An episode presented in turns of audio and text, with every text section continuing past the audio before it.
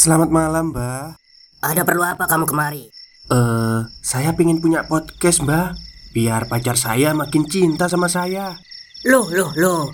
Mau bikin podcast kok tanya dukun? Sekarang kamu download aplikasi Anchor.fm. Di situ kamu bisa buat podcast gratis dan podcast kamu bisa didistribusikan ke platform mana pun. Dan di aplikasi atau website Anchor.fm juga terdapat fitur-fitur yang memudahkan kamu untuk membuat podcast. Oh, gitu ya, Mbak. Kalau gitu, saya boleh minta password wifi-nya, Mbak. Buat apa? Buat download Anchor.fm, Mbak.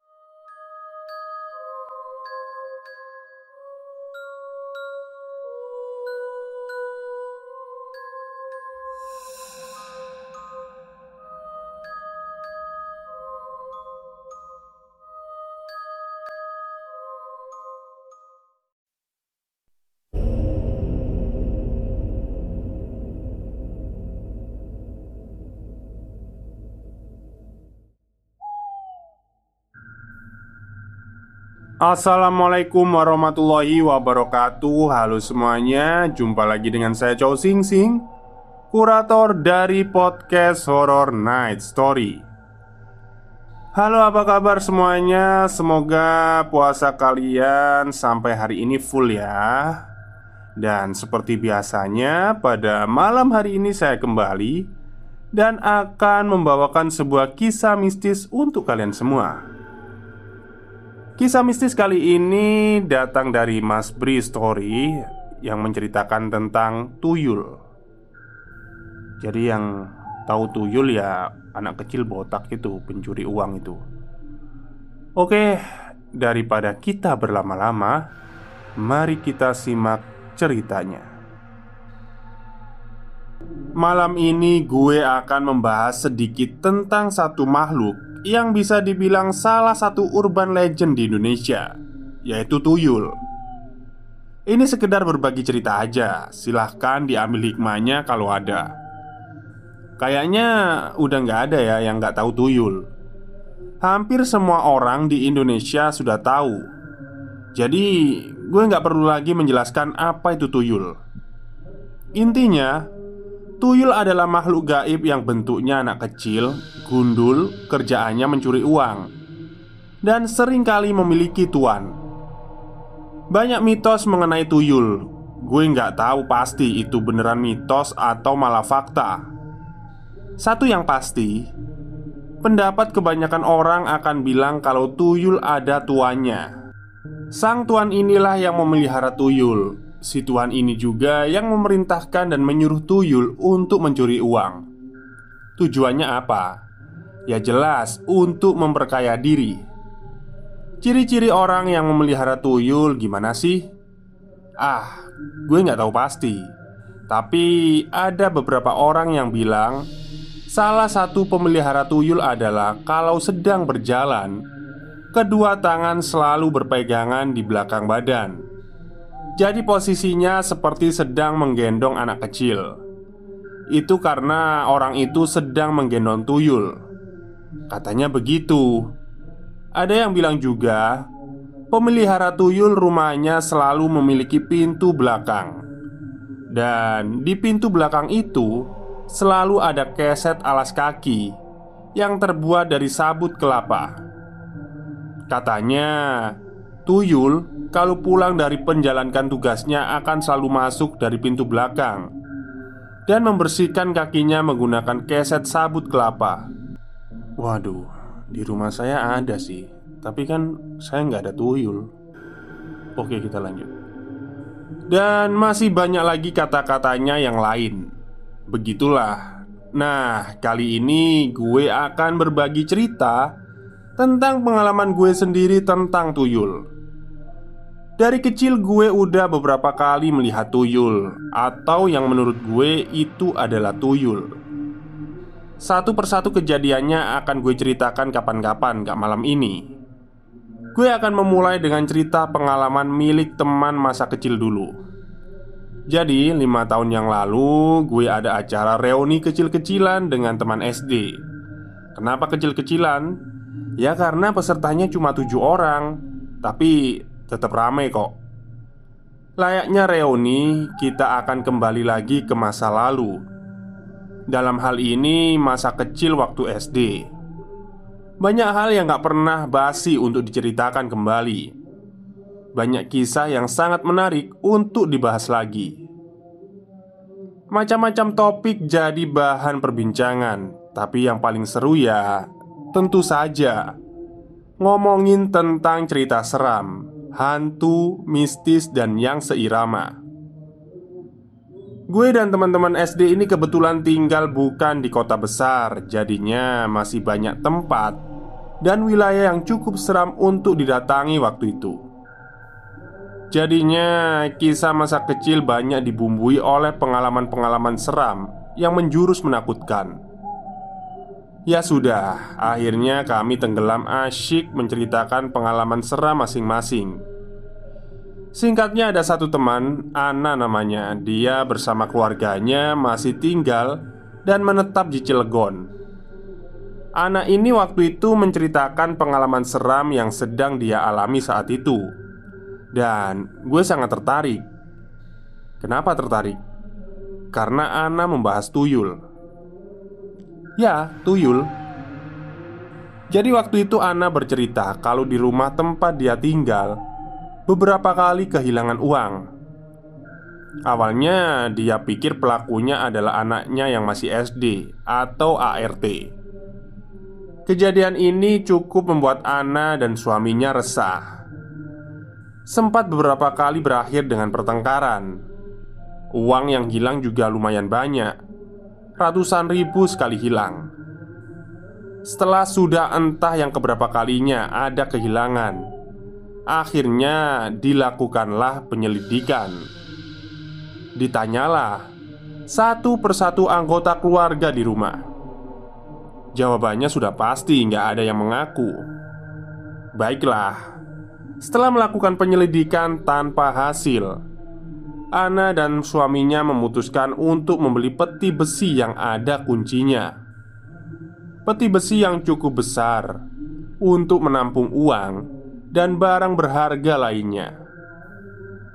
Setelah sudah punya peti besi itu, beberapa minggu lamanya nggak ada kejadian kehilangan lagi. Tapi sebulan kemudian ternyata kejadian lagi. Uang di dalam peti hilang. Aneh, kata Ana. Padahal kunci peti diletakkan di tempat yang sangat tersembunyi. Gak mungkin ada orang yang tahu selain dia dan suaminya. Yang anehnya lagi, peti besi masih dalam keadaan terkunci. Dan ketika Ana sadar kalau isinya sudah berkurang, petinya nggak rusak sama sekali. Isi dalam peti besi itu nggak semuanya hilang, masih tersisa sekitar ratusan ribu dan perhiasan. Gak habis seluruhnya. Mereka pun bingung Masa peti besi dalam keadaan terkunci tapi masih bisa hilang juga di dalamnya? Gimana caranya? Penasaran kan? Akhirnya mereka memutuskan untuk memasang kamera pemantau. Kamera itu diarahkan ke pintu lemari besar, tempat di mana peti besi berada di dalamnya. Setelah kamera terpasang dan difungsikan, video hasil pantauannya rutin dilihat oleh Ana nyaris setiap hari. Sama kejadiannya dengan ketika mereka baru beli peti besi sebelumnya. Gak terjadi kehilangan uang dan benda berharga di dalam peti selama kira-kira sebulan setelah kamera terpasang. Aman lah pokoknya. Tapi tiba-tiba sebulan kemudian terjadi lagi. Ada sejumlah uang yang hilang. Kali ini jumlahnya banyak sampai jutaan rupiah.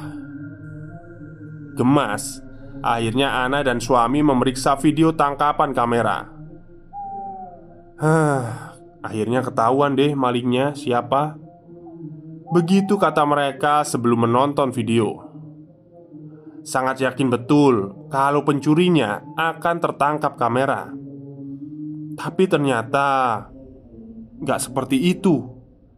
Kamera sama sekali nggak menangkap gambar apa-apa Pencurinya nggak kelihatan Nggak terlihat ada orang yang membuka lemari besi Nggak ada Lalu Siapa yang bisa mengambil isi peti besi itu tanpa membuka pintunya? Saat itulah Ana dan suami terbesit pikiran. Kalau pelakunya bukan manusia Tapi makhluk gaib Mungkinkah? Ana yang dari kecil dulu memang sudah percaya dan sering bergelut dengan hal-hal mistis Langsung punya banyak pertanyaan di kepalanya. Untuk menjawab itu, suami Ana punya ide untuk membuktikannya. Jadi, Suamiku langsung pergi ke pasar. Dia mau membeli abu gosok. Begitu kata Ana ketika dia menceritakannya kepada kami. Abu gosok? Buat apa nah? Tanya gue penasaran. Buat yang belum tahu, abu gosok yang Ana maksud adalah benda yang bentuknya seperti pasir, terbuat dari hasil pembakaran kalau orang-orang di pedesaan dulu menggunakan abu gosok untuk mencuci piring atau perabotan rumah lain. Lebih seringnya buat cuci piring. Abu gosok itu nantinya ditaburkan di sekeliling peti besi dan sekitar lemari. Ya, ditabur tipis gitu, kata Ana. Terus kenapa harus abu gosok? Kata suamiku, abu gosok itu nggak bisa terdeteksi oleh makhluk pencuri yang waktu itu kami belum tahu makhluk jenis apa. Begitu penjelasan Ana. Ya sudah, akhirnya Ana dan suami menaburkan abu gosok di sekitar peti besi dan lemari. Ditabur tipis gitu. Setelah itu, mereka hanya bisa menunggu. Satu hari, dua hari, satu minggu, dua minggu, nggak terjadi apa-apa. Uang di dalam peti masih utuh. Tapi hampir dua bulan kemudian, akhirnya kejadian lagi. Uang di dalam peti hilang sebagian. Pada kejadian kali ini, kamera pemantau masih tetap gak bisa menangkap apa-apa. Gak ada objek yang tertangkap kamera sedang mencuri. Tapi gak demikian dengan abu gosok. Abu yang ditabur pada sekitar peti dan lemari menangkap jejak pelaku pencurian. Stop, stop. Kita break sebentar. Jadi gimana? Kalian pengen punya podcast seperti saya? Jangan pakai dukun, pakai Anchor. Download sekarang juga. Gratis. Di atas taburan tipis abu gosok, Ana dan suami melihat ada jejak berbentuk kaki-kaki kecil yang sepertinya datang lalu pergi. Jejak kaki ini seukuran kaki bayi manusia yang baru lahir. Segitu ukurannya. Ana dan suami jadi bisa menarik kesimpulan siapakah yang mencuri uang mereka selama ini. Sepertinya tuyul. Masih tentang tuyul. Di kampung tempat tinggal gue waktu kecil dulu juga pernah ada peristiwa yang cukup heboh. Kejadiannya ada beberapa warga yang kehilangan uang dan benda berharga di rumahnya. Sontak seluruh warga langsung giat melakukan siskampling atau jaga malam. Tapi walaupun sudah ada siskampling dan kewaspadaan yang tinggi, tetap aja masih ada berita kehilangan. Yang paling banyak diberitakan adalah kehilangan uang. Benar, namanya juga di kampung, maka beredarlah cerita-cerita yang bilang kalau pelaku pencurian itu adalah tuyul, si makhluk legendaris. Setelah beredar tentang cerita tuyul itu, selanjutnya kampung gue jadi lebih mencekam. Apalagi kalau malam hari. Banyak dari warga yang gak berani keluar malam. Lebih merasa aman di rumah saja. Menjaga uang dan harta lain miliknya. Nah, entah kebetulan atau enggak Ketika sedang santer-santernya cerita tuyul ini Gue dan bapak waktu itu mengalami kejadian ganjil yang cukup menyeramkan. Begini ceritanya. Jadi pada waktu itu di suatu malam kami pulang dari rumah saudara. Gue dan bapak berboncengan menggunakan motor. Waktu itu kalau nggak salah gue masih kelas 4 SD Jadi masih bisa duduk di depan kalau naik motor bareng bapak. Seperti yang gue bilang tadi Waktu itu lagi santer-santernya cerita tentang tuyul gentayangan. Jadinya suasana kampung sudah sepi banget Ketika kami sampai di jalan masuk Ya karena sudah hampir tengah malam juga sih Sekitar jam 11 malam. Waktu itu bapak sengaja lewat jalan belakang yang masih sangat sepi. Melewati jalan tanah kecil menembus perkebunan pohon kelapa. Dan lewat satu perkuburan juga. Pokoknya seram lah suasananya. Gue yang tadinya sudah mengantuk Jadi kembali segar Karena merasakan keseraman suasana. Ah, ada-ada aja papa ini. Kenapa juga lewat jalan begini? Kan serem. Gue bilang gitu ke bapak. Biar cepet Bri. Kan jaraknya lebih pendek. Hehehe. Begitu jawab beliau. Ya sudahlah. Gue hanya bisa pasrah. Sambil terus memandang ke depan Pemandangannya nyaris gelap karena hanya dibantu cahaya dari lampu motor bebek Suzuki 100cc Angin malam begitu dingin, tapi tetap saja gue tegang memperhatikan jalan yang sepi banget ini. Sampai akhirnya tiba-tiba bapak menginjak pedal rem agak mendadak Dan motor pun berhenti Padahal jarak rumah kami tinggal beberapa menit lagi Ada apa pak? Tanya gue. Bapak diem aja Tapi bersuara pelan. Shh Begitu. Gue yang penasaran kenapa tiba-tiba motor berhenti. Mendengar suara bapak seperti itu langsung memperhatikan sekitar Dan menajamkan penglihatan. Jangan takut ya Bri. Begitu bisik bapak. Gue diem gak berani bilang apa-apa. Dan Beberapa detik kemudian akhirnya gue mendapat jawaban. Kenapa bapak sampai berhenti mendadak? Dua atau tiga meter di depan kami. Di bawah cahaya lampu motor yang gak terlalu terang. Gue melihat Ada dua sosok kecil Sedang berdiri di tengah jalan. Kira-kira tingginya 30 atau 40 cm Bentuknya seperti anak kecil Tanpa memakai pakaian sama sekali Warna tubuhnya gelap tapi bukan seperti gelap bayang atau siluet. Hitam gelap seperti arang kecil atau arang kering. Gue cuma diam memperhatikan dua sosok seram itu. Mereka terus berdiri diam, sedang memperhatikan kami juga. Serem? Ya iyalah, gue ketakutan. Saat itu gue mendengar duga bapak sedang membaca doa. Ayat-ayat suci keluar dari mulutnya. Entah berapa menit lamanya, akhirnya dua sosok itu bergerak pergi dari tempatnya. Berlari kecil masuk ke dalam gelap, lalu menghilang. Itu makhluk apa ya? Sepertinya si tuyul. Cukup sekian cerita malam ini. Kalau ada yang mau berbagi pengalaman tentang tuyul, silahkan. Sampai jumpa di cerita gue berikutnya. Salam, Bri. Oke, itulah kisah tuyul yang dituliskan oleh Mas Bri Story berdasarkan pengalamannya sendiri dan pengalaman temannya.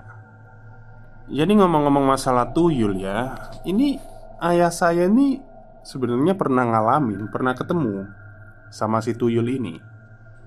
Jadi waktu itu mungkin setengah satu atau jam satu, beliau itu keluar cari angin lah ya Masuk kampung gitu kan. Masuk kampung sepeda motoran Dan sampai di Gini Di kampung saya itu ini ada makam pemakaman Tapi dibatasi sama tembok.